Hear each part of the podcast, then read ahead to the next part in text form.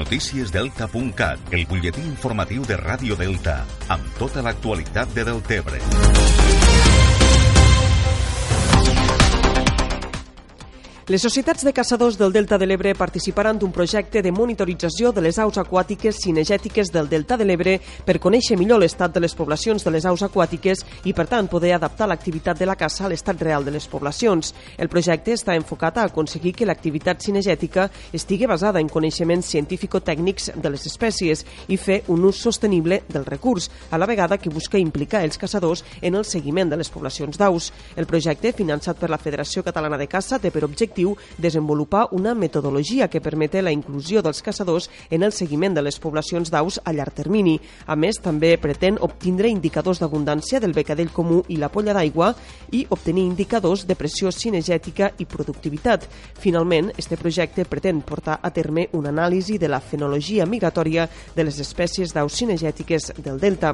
A més dels caçadors en el projecte hi col·laboren la Fundació Artemisan i la Generalitat de Catalunya a través dels departaments d'Agricultura i Territori i Sostenibilitat. Els primers resultats de l'estudi s'obtindran a l'abril del 2020. Comença el compte enrere per al segon fòrum d'ecoturisme, natura i sostenibilitat que se celebrarà a Deltebre els dies 23 i 24 d'octubre. Més de 30 ponents i referents nacionals i internacionals participaran en la trobada en la que s'espera la participació de més de 200 professionals de l'ecoturisme a Catalunya. El mexicà Héctor Ceballos Lascurain, considerat pare del terme ecoturisme, i Francesc Mauri, meteoròleg i presentador de TV3 i Catalunya Ràdio, són alguns dels grans noms que formaran part del fòrum. En esta edició i sota el lema Ecoturisme tot l'any s'ha dissenyat un programa molt ambiciós per promoure la reflexió la reflexió, el debat, la inspiració i la col·laboració i que es nodrirà de les aportacions, l'experiència i el coneixement de professionals reconeguts del món de l'ecoturisme.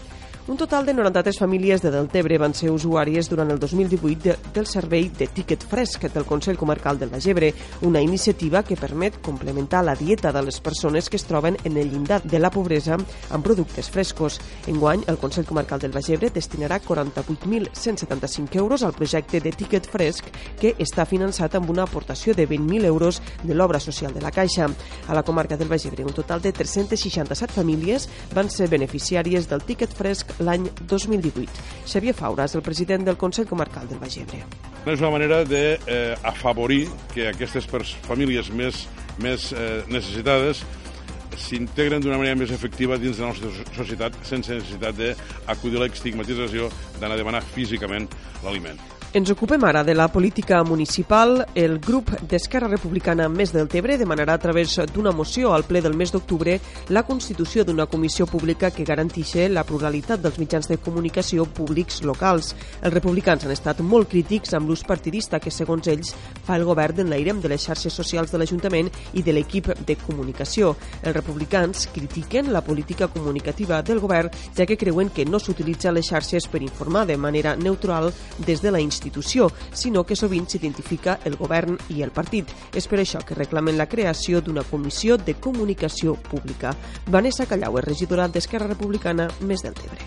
Demanem la creació d'una comissió de com comunicació pública encarregada de vetllar per la pluralitat, rigor i transparència dels mitjans públics de l'Ajuntament, formada pels membres corresponents especialitzats en mitjans de comunicació i representants dels grups municipals.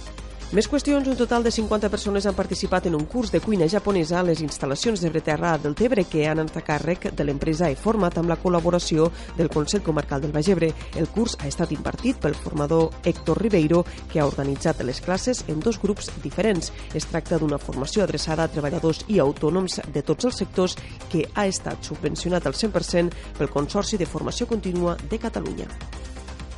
I per acabar afegim que la Biblioteca Delta de l'Ebre acull esta tarda una activitat infantil amb contacontes i manualitats adreçat a infants d'entre 4 i 8 anys. Això és tot per ara. Més notícies, com sempre, al portal deltacat.cat.